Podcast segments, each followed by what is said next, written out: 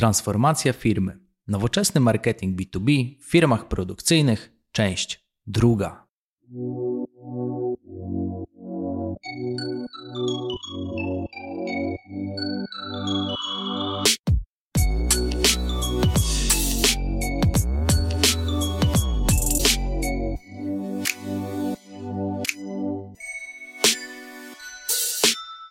Hej, hej, Dawid Bagiński z tej strony. W 41 odcinku podcastu Marketing, Biznes i Sprzedaż z Dawidem Bagińskim. W dzisiejszym odcinku zajmę się kontynuacją tematu transformacji działu marketingu firmy produkcyjnej sprzedającej w B2B. W poprzednim odcinku opowiedziałem o pierwszych czterech etapach transformacji w całym workframe'ie, który chciałbym Tobie pokazać, przez który chciałbym Ciebie przeprowadzić. Czyli opowiedziałem o audycie całego działu marketingu i wszystkich działań. Po drugie, narzędziach strategicznych firmy, bardzo ważne i większość firm tego nie ma, a od tego tak naprawdę zaczyna się później delegowanie chociażby zadań czy współpraca z podwykonawcami. I punkt trzeci, zbadaniu procesu zakupowego, czyli żeby ustalić w jaki sposób zachowuje się nasz klient, kiedy kupuje rzeczy podobne lub takie same jak u nas. No i po czwarte, planowaniu kanałów marketingowych. Jeżeli nie słuchałeś lub nie słuchałaś tego odcinka, serdecznie zapraszam najpierw do przesłuchania go i kontynuacji. A dzisiaj, tak jak wspomniałem, kontynuujemy. Przed nami kolejne pięć interesujących i kluczowych kroków w całym workframe'ie, które dopełnią temat i ładnie go bardzo domkną. Dlatego nie przedłużając, zapraszam serdecznie do tego odcinka. Punkt piąty opracuj strategię poszczególnych kanałów, czyli przygotuj lejki marketingowe, zmapuj je. Tutaj zaczyna się robić naprawdę ciekawie, ponieważ większość firm, z którymi współpracuję, kompletnie nie rozumie, jak projektować lejek marketingowy. Większość firm nie ma w ogóle strategii działań, nie ma w ogóle zaprojektowanych lejków i Najczęściej na audytach, które ja realizuję lub moi doradcy z mojego zespołu, widzimy, że firmy tworzą działania na tak zwaną górę lejka, czyli TOFU, Top of the Funnel. Jeżeli nie spotkałeś się wcześniej z tym pojęciem, wygoogluj je. Jest ono znane w marketingu od bagatela 15 lat. I celem właśnie TOFU, czyli Top of the Funnel, jest przyciągnięcie potencjalnego klienta i przykucie jego uwagi. I teraz, kiedy firmy nie rozumieją, co to są lejki marketingowe, chociaż też od razu od środka powiem Wam, że większości dyrektorów marketingu i szefów wydaje się, że oni robią lejki marketingowe, bo przeczytali na przykład jeden artykuł na ten temat, albo usłyszeli no góra, środek i dół lejka i wierzą, że robią lejki marketingowe. Ale prawda jest taka, że ich nie robią, ponieważ na audycie widzę, że robimy tylko i wyłącznie górę lejka, czyli tak zwane działania świadomościowe przyciągające potencjalnego klienta. I teraz, jeżeli wierzymy, że robimy y, cały lejek, czyli tofu, mofu i bofu, czyli górę, środek i dół lejka, a robimy tylko górę, to co to powoduje? To jest po prostu, nie chciałbym nazwać tak bardzo hardkorowo rzeczy, ale nazwę tak łagodnie. I to słowo łagodnie dobiorę też intencjonalnie, powiem, to jest po prostu dramat. Teraz dlaczego? Bo firmy chcą pozyskać klienta, czyli przeprowadzić go przez pełny lejek, natomiast projektują tylko górę lejka i wydają prawie cały lub cały budżet marketingowy na działania tylko na górze lejka. Przez co, i tutaj szoker, klienci dowiadują się o produktach danej firmy lub jej usługach, dowiadują się, że takie produkty i usługi istnieją, dowiadują się też z tych działań na TOFU, że ich problem da się rozwiązać, po czym na tym się proces y, sprzedaży kończy, nie ma środka i dołu lejka, więc co zrobi potencjalny klient? Dowie się, że dowie się tych powyższych elementów, a następnie po prostu pójdzie do konkurencji, która ma zaprojektowany środek i dół po to, żeby na końcu po prostu przyjąć płatność. No i właśnie dlatego zwracam na to uwagę, że to jest kurde dramat. To jest dramat, bo w całej strategii bardzo często, jeżeli brakuje środka i dołu lejka, czyli MOFu, middle of the funnel i BOFu, czyli bottom of the funnel, to klient u nas nie kupuje, tylko ucieka do konkurencji. Wyobraźcie sobie, prawdziwe case'y. Firma ma na przykład budżet marketingowy, załóżmy na pół roku, na poziomie 300 do 400 tysięcy. I ładuje cały budżet marketingowy, robi y, działania SEO, robi artykuły, robi reklamy, robi treści na social mediach, ale dotyczą one tylko i wyłącznie top of the funnel, czyli przyciąganie klienta, informowanie go, że, mamy że jego problem można rozwiązać, ale nie mówimy w sumie, że my go rozwiązujemy. Nie mówimy, jak się dowiedzieć tego, jaką my mamy koncepcję rozwiązania Twojego problemu, w jaki sposób ten problem rozwiązujemy. I też w zasadzie świadomie nie kierujemy osoby do etapu, w którym można podjąć inicjację zakupu. Więc idźmy teraz dalej. Co to jest w ogóle MOFU? W MOFU, czyli w Middle of the Funnel, naszym zadaniem jest pomóc osobie przedstawić koncepcję rozwiązań, możliwości rozwiązań jego problemu lub możliwości koncepcji dotarcia do celu, który on chce realizować, bo w marketingu zawsze jest albo rozwiązujemy problemy, albo pomagamy osiągać cele. I następnie celem MOFU jest zachęcić do tego, aby oni właśnie wybrali nasze rozwiązanie, nasze koncepcje, nasze możliwości, które oferujemy. Dodatkowo możemy też świadomie na tym etapie tworzyć propozycje wartości, które nasza oferta ma, aby po prostu nasza oferta, kiedy potencjalny klient będzie ją porównywał z innymi koncepcjami, żeby mógł zobaczyć, dlaczego nasze, nasze koncepcje, nasze rozwiązania wygrywają. I później mamy BOFU, czyli bottom of the funnel. Tutaj skupiamy się na przedstawianiu oferty i zrealizowaniu konwersji, którą sobie zaplanowaliśmy. Czyli konwersją w tym przypadku zazwyczaj albo będzie e, kontakt z firmą przez, może to być na przykład e-mail, e, zgłoszenie przez formularz do działu sprzedaży, czy tutaj na przykład wysłanie formularza, który trafi do CRM-u, lub inną formę konwersji, którą sobie zaplanujemy. Rzadko kiedy w przypadku firm produkcyjnych, kiedy te zamówienia są dobierane indywidualnie, jest to zakup. Są oczywiście firmy, które produkują i sprzedają w B2B, posiadając własny e-commerce, więc uwzględniając ten jeden przykład, można by powiedzieć, że czasami na BOFu po prostu chcemy sprzedać produkty, na przykład w naszym sklepie internetowym, ale są to bardzo rzadkie przypadki. No i teraz co jest istotne? Kiedy już rozumiemy, na czym polega lejek, nie tylko na tym, że mamy same tofu, ale że mamy tofu, mofu i bofu, to kolejną rzeczą jest to, że my powinniśmy zaprojektować nasze lejki marketingowe uwzględniające wszystkie te etapy. Jeżeli my tworzymy tylko i wyłącznie działania świadomościowe, no to jesteśmy w czarnej marnej. I teraz dlaczego o tym mówię? Bo jeżeli jesteście na przykład takim dyrektorem marketingu, to standardowy dyrektor marketingu myśli w taki sposób: dobra, y, naszym KPI-em to jest ruch na stronę, więc wydajemy pieniądze na SEO i będzie super.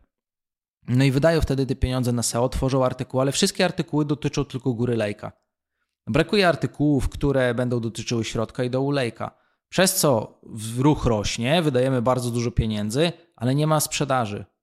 No i później nad dyrektorem, jeżeli mamy na przykład szefa albo zarząd, to co taka osoba widzi? Dobra, zwiększamy ruch na stronę, ludzie nie kupują naszych produktów.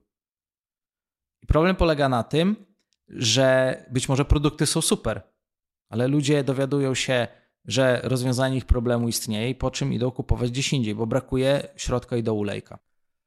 I teraz, jakich błędów nie powinniśmy popełniać na tym etapie? Po pierwsze, nie powinniśmy skupiać całej swojej uwagi, całej swojej strategii funduszy tylko na TOFU, co zazwyczaj firmy robią. Myślę, że fajnie to przed chwilą uzasadniłem. Ale jest jeszcze drugi kontekst. Bardzo często firmy przyciągają potencjalnych klientów na TOFU, i od razu kieruje ich na BOFU, czyli do oferty lub sprzedaży. To też jest błąd. Czemu? Bo osoba, która nie rozumie, co kupuje, po prostu nie kupi. Na TOFU budujemy świadomość i zainteresowanie, ale nie mówimy jeszcze ani o koncepcjach rozwiązania i nie mówimy również o tym, czy nasza koncepcja jest najlepsza. Nie pokazujemy wyróżników propozycji wartości tej koncepcji, które później naturalnie kierują do oferty, tak? Jeżeli tego nie mamy, no to osoba widzi, z, z, z punktu widzenia odbiorcy widzimy tylko i wyłącznie to. Ok, zajarałem się, że mogę rozwiązać swój problem, a od razu każą mi coś kupić. Czy ja mogę im zaufać, skoro ja nawet nie rozumiem, co oni sprzedają? I to jest właśnie duży minus, kiedy mamy tylko i wyłącznie tofu i bofu e, w naszym lejku. I teraz, co osoba robi, która nie rozumie, co kupuje? Podsumujmy to, no po prostu nie kupi. Teraz, gdybyś ty, słuchacz lub słuchaczko, zastanawiała się, dlaczego masz dużo wejść na stronę internetową w swojej firmie czy w projekcie, którym zarządzasz, a tak mało zgłoszeń przez formularze do działu sprzedaży lub bardzo mało zakupów, to prawdopodobnie dlatego, że Twoi potencjalni klienci kręcą się na górze lejka marketingowego i na tym się kończy. I podam Wam bardzo dobry przykład. Często SEOwcy, jeżeli robią linkowanie na przykład wewnętrzne w artykułach, bo jeżeli na przykład ktoś wchodzi na TOFU, czyta sobie artykuł z SEO, no to później artykuł powinien gdzieś linkować. I SEOwcy popełniają właśnie taki błąd, że tworzą linkowanie wewnątrz artykułów. No wiadomo, na tym polega y, między innymi podbijanie pozycji na stronach, tak, y, czy lepsza ocena strony w Google. Natomiast problem polega na tym, że samo w sobie działanie o ile jest dobre, o tyle jeżeli link, y, artykuł TOFU linkuje do innego artykułu TOFU i ten kolejny artykuł na TOFU linkuje do kolejnych artykułów na TOFU i one linkują na kolejne artykuły na TOFU, a nie na MOFU i BOFU, no to mamy katastrofę. I teraz ważne jest to, że jeżeli wszystkie treści na Twojej stronie, na, które są skierowane pod etap lejka, góry lejka, czyli TOFU, linkujesz tylko do TOFU, to co widzi Twój potencjalny klient? Widzi tylko i wyłącznie artykuły jarające, przekonujące go do tego, że mógłby rozwiązać swój problem, ale nic więcej.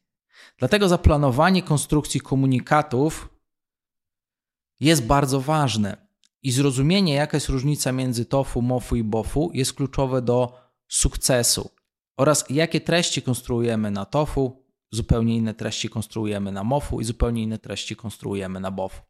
No i teraz zobaczcie, skonstruowanie na przykład takiego ogólnego artykułu na Twojej stronie, y, w jaki sposób powinien wyglądać? Powinien przede wszystkim wyglądać w taki sposób, że Wy zastanawiacie się najpierw, ok, dobra, piszemy na TOFU, no to jak powinna wyglądać konstrukcja artykułu? Czyli sekcja po sekcji, z jakich elementów powinien się składać. I teraz w których miejscach linkujemy i do czego? I linkujemy do MOFu zazwyczaj, żeby ktoś schodził głębiej w lejek. I jeżeli mamy artykuły na MOFu, to znowu musimy krok po kroku całą konstrukcję takiego artykułu przygotować, bo będzie konstrukcyjnie taki artykuł, sekcja po sekcji, element po elemencie, wyglądał zupełnie inaczej niż TOFU, bo na TOFU mamy zajarać, a na MOFu już mamy budować przekonanie do tego, że nasza koncepcja ma najwięcej propozycji wartości i warto rozważyć zakup tego, co my sprzedajemy. I później na BOFu na dole lejka, znowu jak będziemy pisać ofertę, to znowu zastosujemy raczej model pisania pod listy sprzedażowe, typu model AIDA, czy model 12-step, e, czy modyfikację innego modelu, bo ich jest naprawdę dużo. I znowu zauważcie, konstrukcja artykułu wpisu pod BOFu, sekcja po sekcji będzie wyglądała zupełnie inaczej niż TOFu.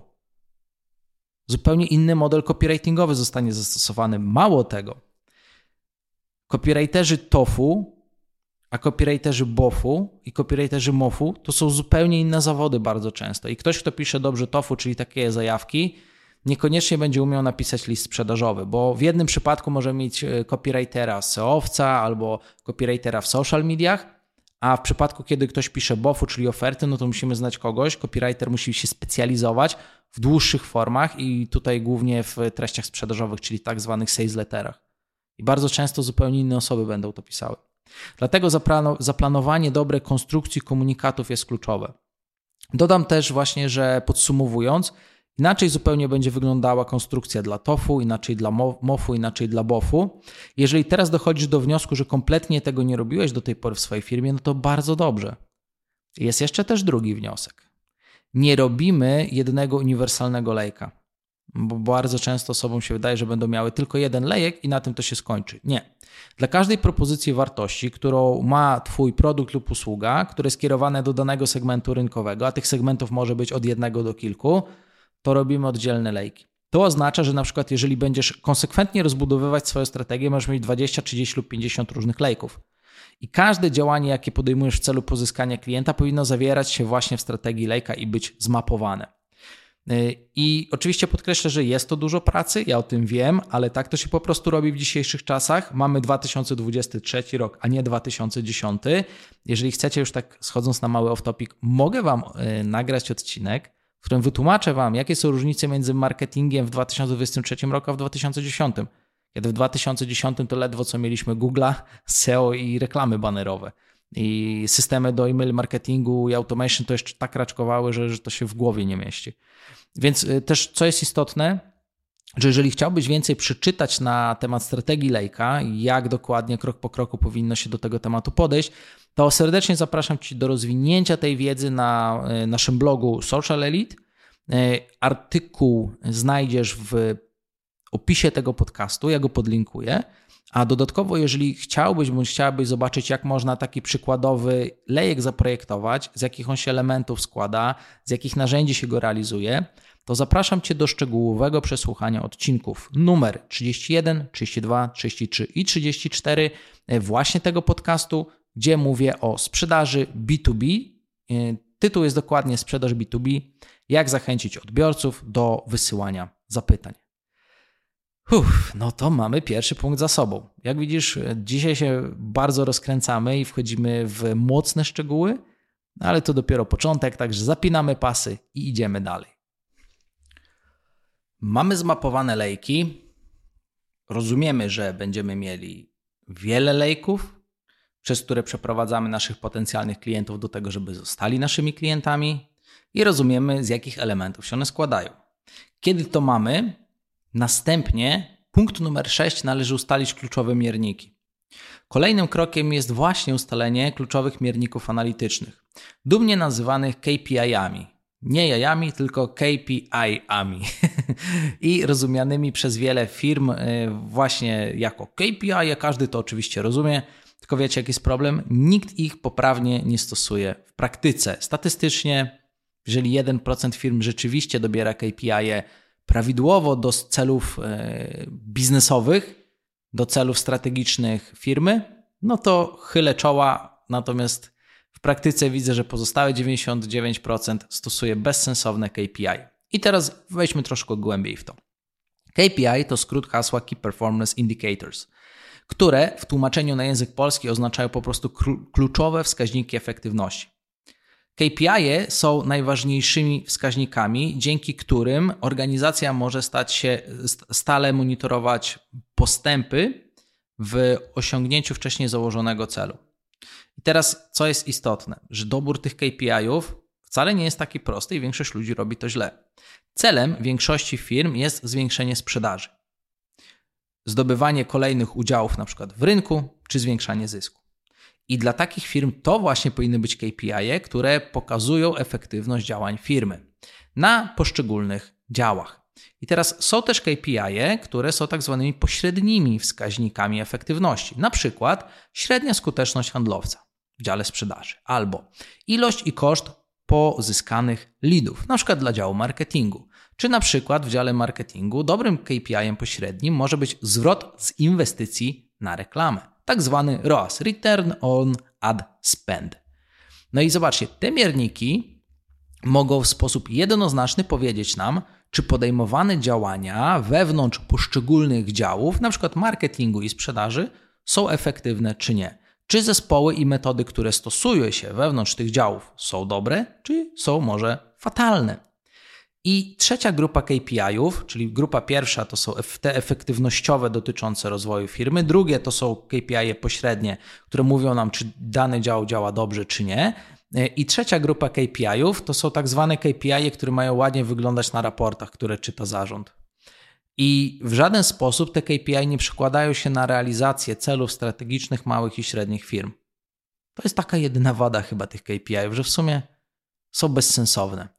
No i to może być na przykład wzrost fanów na profilach, czy wygenerowane zasięgi w postach.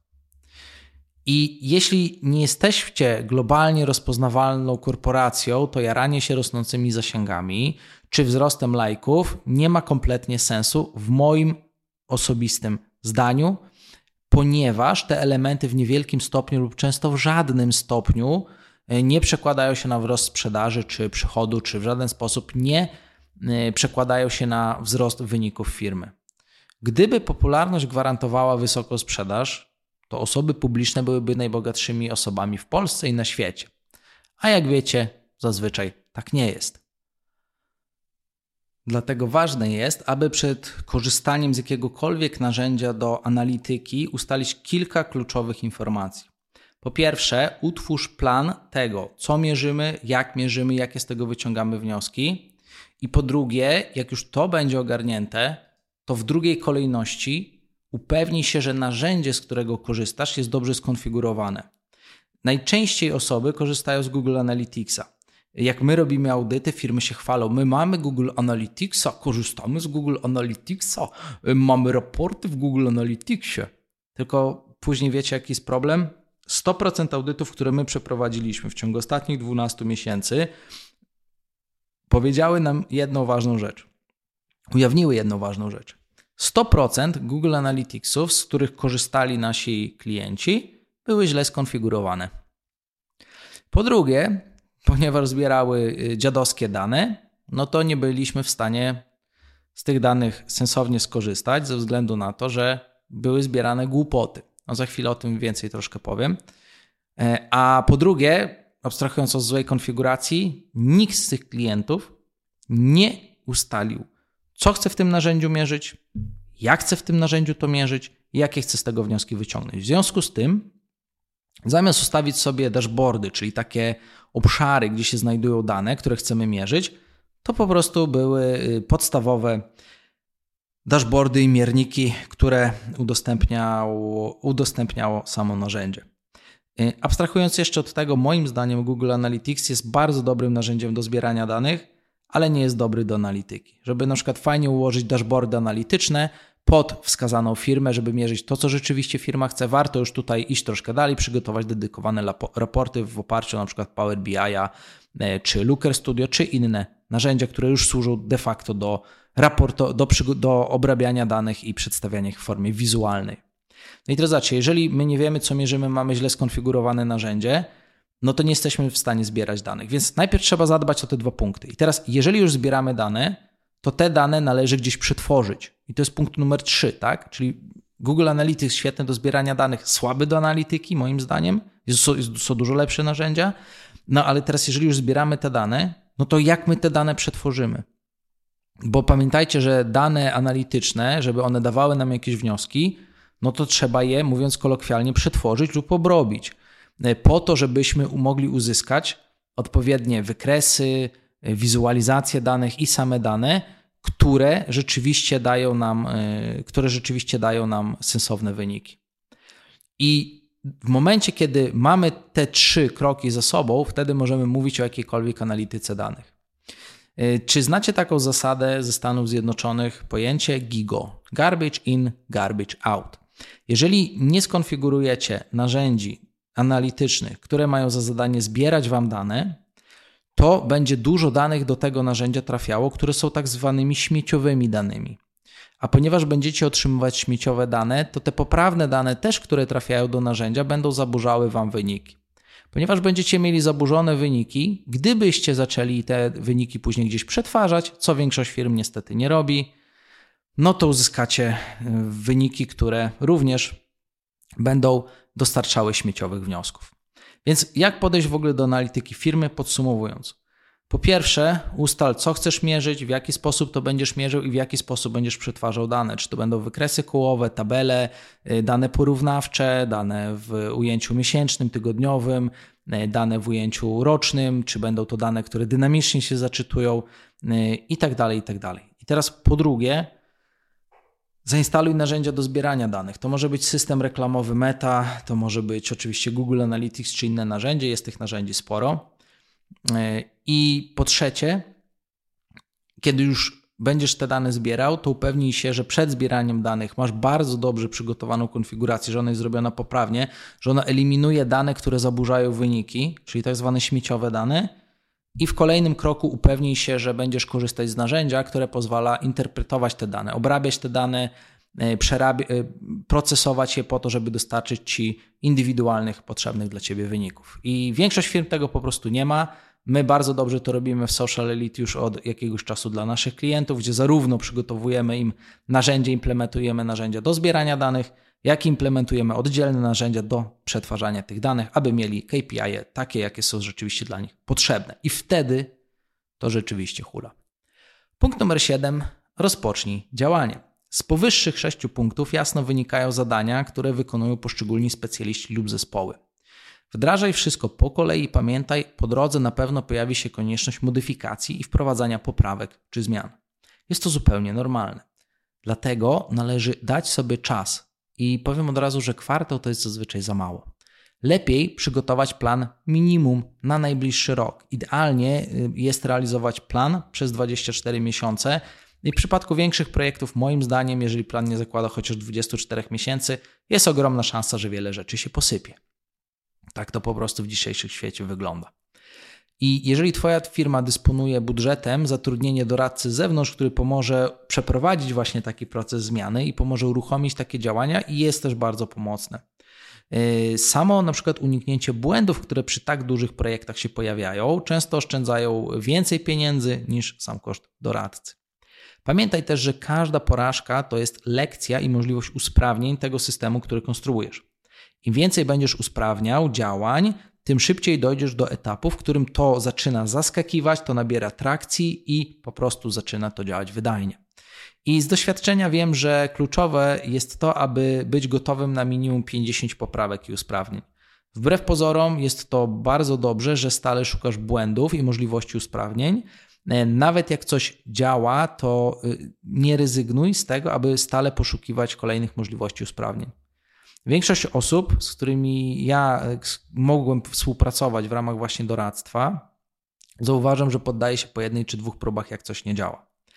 My natomiast bardzo często, jeżeli realizujemy już działania, to zakładamy, że minimum 50 razy będziemy e, to poprawiali. Podam Wam przykład e, jednego z, z jeden z projektów, gdzie klient myślał bardzo długofalowo I ja na audycie, bardzo zabawna rzecz wyszła, e, zlecił firmę agencji zewnętrznej do uruchomienia, po czym po pięciu dniach stwierdził, że to nie ma kompletnie sensu. A oni nawet jeszcze nie zaczęli sensownie działać. I to jest mało poważne. Więc gdy nastawiasz się na usprawnienia, gdy nastawiasz się na wdrożenie dużego projektu, który ma dojść do wysokiej wydajności i pokazać świetne wyniki, to istotne jest po prostu to, żeby non-stop monitorować, co się dzieje przez dłuższy okres czasu e, i to nieustannie poprawiać.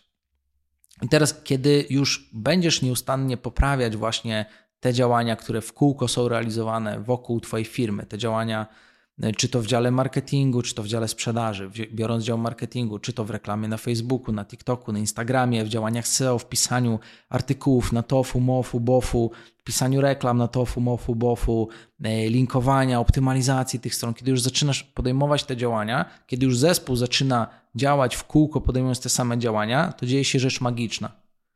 Zespoły i procesy nabierają wydajności. I to prowadzi nas do punktu numer 8 w momencie, kiedy będziemy usprawniać elementy, zobaczysz, że pewne działania są wydajne. Wtedy, krok ósmy, utwórz procesy, które są wydajne. Jak to wygląda u mnie w Social Elite? Podstawą jest budowanie procesów do etapu, w którym te procesy są wysokiej wydajności, są łatwe do wdrożenia dla zespołu, są dla nich przydatne, rzeczywiście ułatwiają im życie Dodatkowo muszą być intuicyjne do codziennej pracy, muszą być skalowalne i muszą być dochodowe. I my żyjemy tworzenie, tworzeniem procesów, przechodzeniem przez etap, w którym robimy coś po raz pierwszy, drugi, trzeci, piąty, dziesiąty, aż robimy to tak dobrze, że spisujemy to w proces i zaczyna to działać w całej organizacji. Bez procesów nie da się utworzyć dużej firmy. Nieraz możecie słyszeć, jak guru z YouTube'a mówi, że rozwija firmę, ale po 20 osobach to się robi jakiś koszmar i w zasadzie już on nie lubi tej firmy, bo ta firma się bardzo zmienia, panuje w niej chaos, y, rosną obroty, ale zyski spadają, zaczyna się mielenie pieniędzy, zaczyna się robić brak zysku albo bardzo mały zysk. No i w końcu często tacy YouTube'owi guru dochodzą do wniosku, że mają tego dosyć.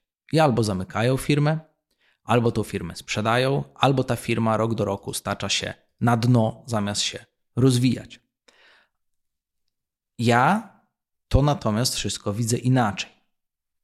Bo wiem, że gdyby taka osoba znała się w swojej codziennej pracy na procesach, gdyby je układała dobrze w swojej firmie, gdyby dbała o to, aby elementy spełniały te kryteria, o których powyżej powiedziałem, to ta firma działałaby, rozwijałaby się dalej i prawdopodobnie działałaby niezależnie od swojego szefa. Po to są procesy, żeby szef czy szefowa firmy, czy dyrektor marketingu mógł według tych procesów nadzorować, a nie siedzieć i gasić pożary.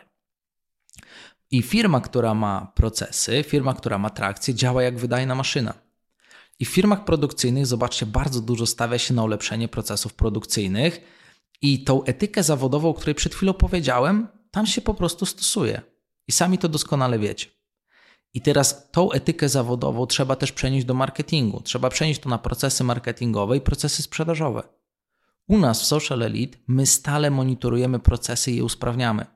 Niektóre procesy usprawniamy nawet kilka lat, bo jak coś działało świetnie, to my to i tak dalej monitorujemy, żeby to działało super, żeby to po prostu było ultra wydajne. E, mamy też na przykład taką zasadę, że jak wprowadzamy na przykład nowe usprawnienie do firmy, to powinno one eliminować dwa inne elementy, żeby w pewnym momencie nie zrobił się przerost biurokracji. Tak właśnie zyskujemy przewagę względem innych firm. Jak masz procesy w firmie, to dzięki nim wiesz, co robisz, wiesz, jak to robisz jaki jest efekt końcowy danych prac. Ile to zajmuje czasu, ile to kosztuje i ile, ile, za ile to sprzedajesz, tak? Lub ile na tym zarabiasz. I dzięki temu możesz iść do ostatniego kroku, czyli wprowadzenie oprogramowania, automatyzacji, CRM-ów do sprzedaży czy innych narzędzi, które usprawnią pracę zespołu. Wiele firm robi zupełnie odwrotnie. Na przykład ma dział marketingu lub ma dział sprzedaży, w którym panuje totalny chaos. Szefowie i dyrektorzy kompletnie nie wiedzą, co się w tych działach dzieje, więc ludzie coś tam sobie robią i no jest ogólnie słabo. Teraz jaka jest pierwsza myśl? Kurde, wprowadźmy CRM, wprowadźmy jakieś oprogramowania do zarządzania ich pracą, monitorowania tej pracy, to nam ułatwi życie. Nic bardziej mylnego. Potem tak naprawdę wydaje się setki tysięcy złotych na oprogramowanie albo miliony złotych na oprogramowanie, którego nikt nie używa. To jest taki tylko po prostu drogi notatnik. I one wcale nie usprawniają pracy zespołu, bo są zrobione nie pod procesy, które rzeczywiście, według których rzeczywiście ten dany zespół czy ten dany dział pracuje, bo tam po prostu nie ma procesów. Więc każdy pracuje po swojemu na tym narzędziu, no tak jak umie. A wiadomo, że przecież wszyscy wasi pracownicy skrupulatnie przeczytają wszystkie instrukcje, które są na stronie i doskonale poznają wszystkie funkcje danego oprogramowania. Nieprawdaż? No, jestem przekonany, że tak będzie. I ja uważam, że warto programowanie wprowadzać dopiero kiedy wy już macie wydajne procesy porobione. Bo po pierwsze, wiecie, jak pracujecie na co dzień, jak wasze zespoły na co dzień pracują. E, wiecie, jaki jest efekt tych prac, z jakich czynności się e, te prace składają.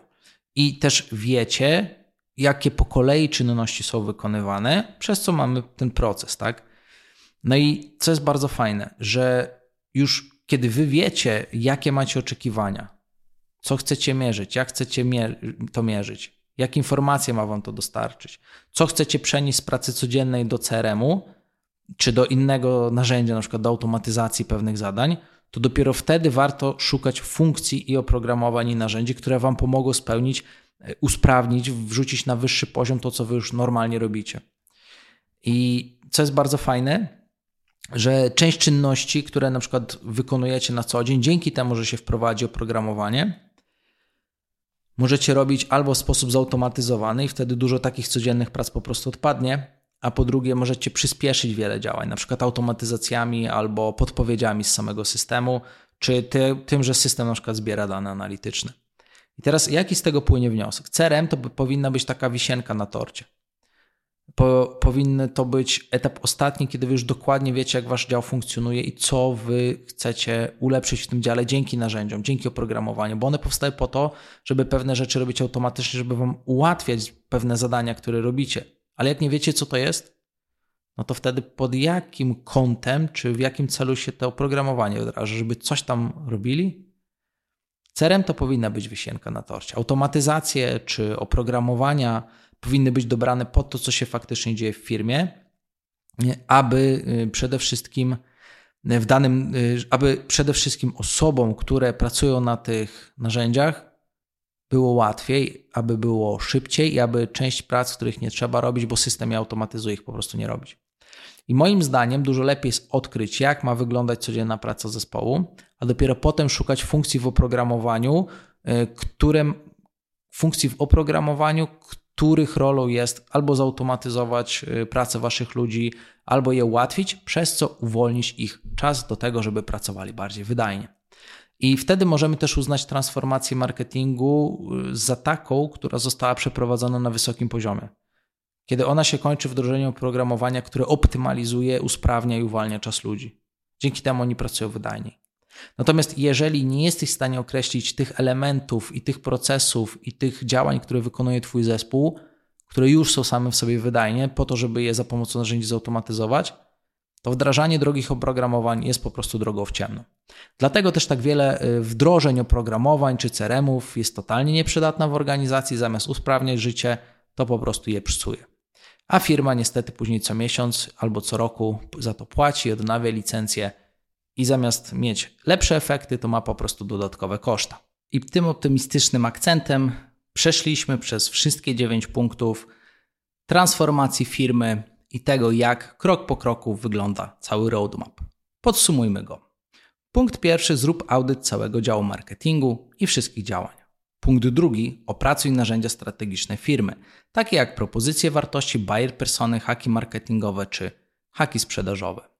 Punkt numer trzeci: zbadaj proces zakupowy. Dowiedz się, w jaki sposób i przez jakie etapy przechodzi Twój potencjalny klient, aby kupić i zostać Twoim klientem, a następnie pod te etapy dobierz narzędzia i zbuduj kanały marketingowe. I tu mamy punkt czwarty. Punkt numer pięć. Opracuj strategię poszczególnych kanałów. Przygotuj lejki marketingowe i przede wszystkim unikaj błędów, jakie popełnia większość firm, niepoprawnie wdrażając tą strategię do swojej firmy. W punkcie numer 6 ustal kluczowe mierniki. Jeszcze przed podjęciem działania dowiedz się i przygotuj dokładnie, co będziesz mierzył, czyli jakie KPI zastosujesz. Efektywnościowe dotyczące działań firmy, KPI pośrednie czy KPI, które ładnie wyglądają i w zasadzie tylko przepalają Twoje pieniądze nic nie znaczą. Kiedy już to ustalisz, rozpocznij wdrażanie narzędzi analitycznych. Pamiętaj, że narzędzia, które dobrze zbierają dane, nie zawsze są tymi narzędziami, które te dane przygotują dla Ciebie, przeprocesują ładne raporty i wyniki. W punkcie kolejnym rozpocznij działania. I nie zatrzymuj się na tym, że Ci nie wychodzi za pierwszym czy drugim razem.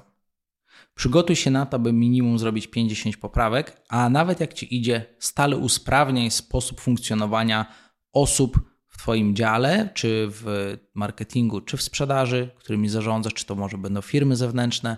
Natomiast zawsze pracuj nad tym, aby usprawniać ich pracę, aby te prace były bardziej wydajne i bardziej poukładane. Dzięki temu będziesz w stanie w punkcie 8 utworzyć wydajne procesy. Procesy, które później będzie można powielać na poszczególne y, inne działania czy inne prace. Bo najlepiej jest robić w kółko to, co działa i to na wysokim, wydajnym poziomie. Kiedy już uda Ci się takie procesy opracować, Poszukaj oprogramowania, które może zautomatyzować część prac lub te prace usprawnić, aby osoby w Twoim dziale uwolniły swój czas na na przykład dodatkowe zadania. Dzięki temu Twoja firma przejdzie transformację od etapu planu do etapu działania jak jedna wydajna maszyna. I mówiąc oczywiście, Twoja firma przejdzie transformację, pamiętajcie, mam na myśli kontekst marketingu i sprzedaży. Tak jak wspomniałem, oczywiście w trakcie tego podcastu wszelkie linki do artykułów i do rozszerzenia wiedzy znajdują się w opisie tego odcinka. A tym optymistycznym akcentem kończymy tą dwuodcinkową serię transformacji firmy i zapraszam Cię serdecznie do kolejnych odcinków tego podcastu.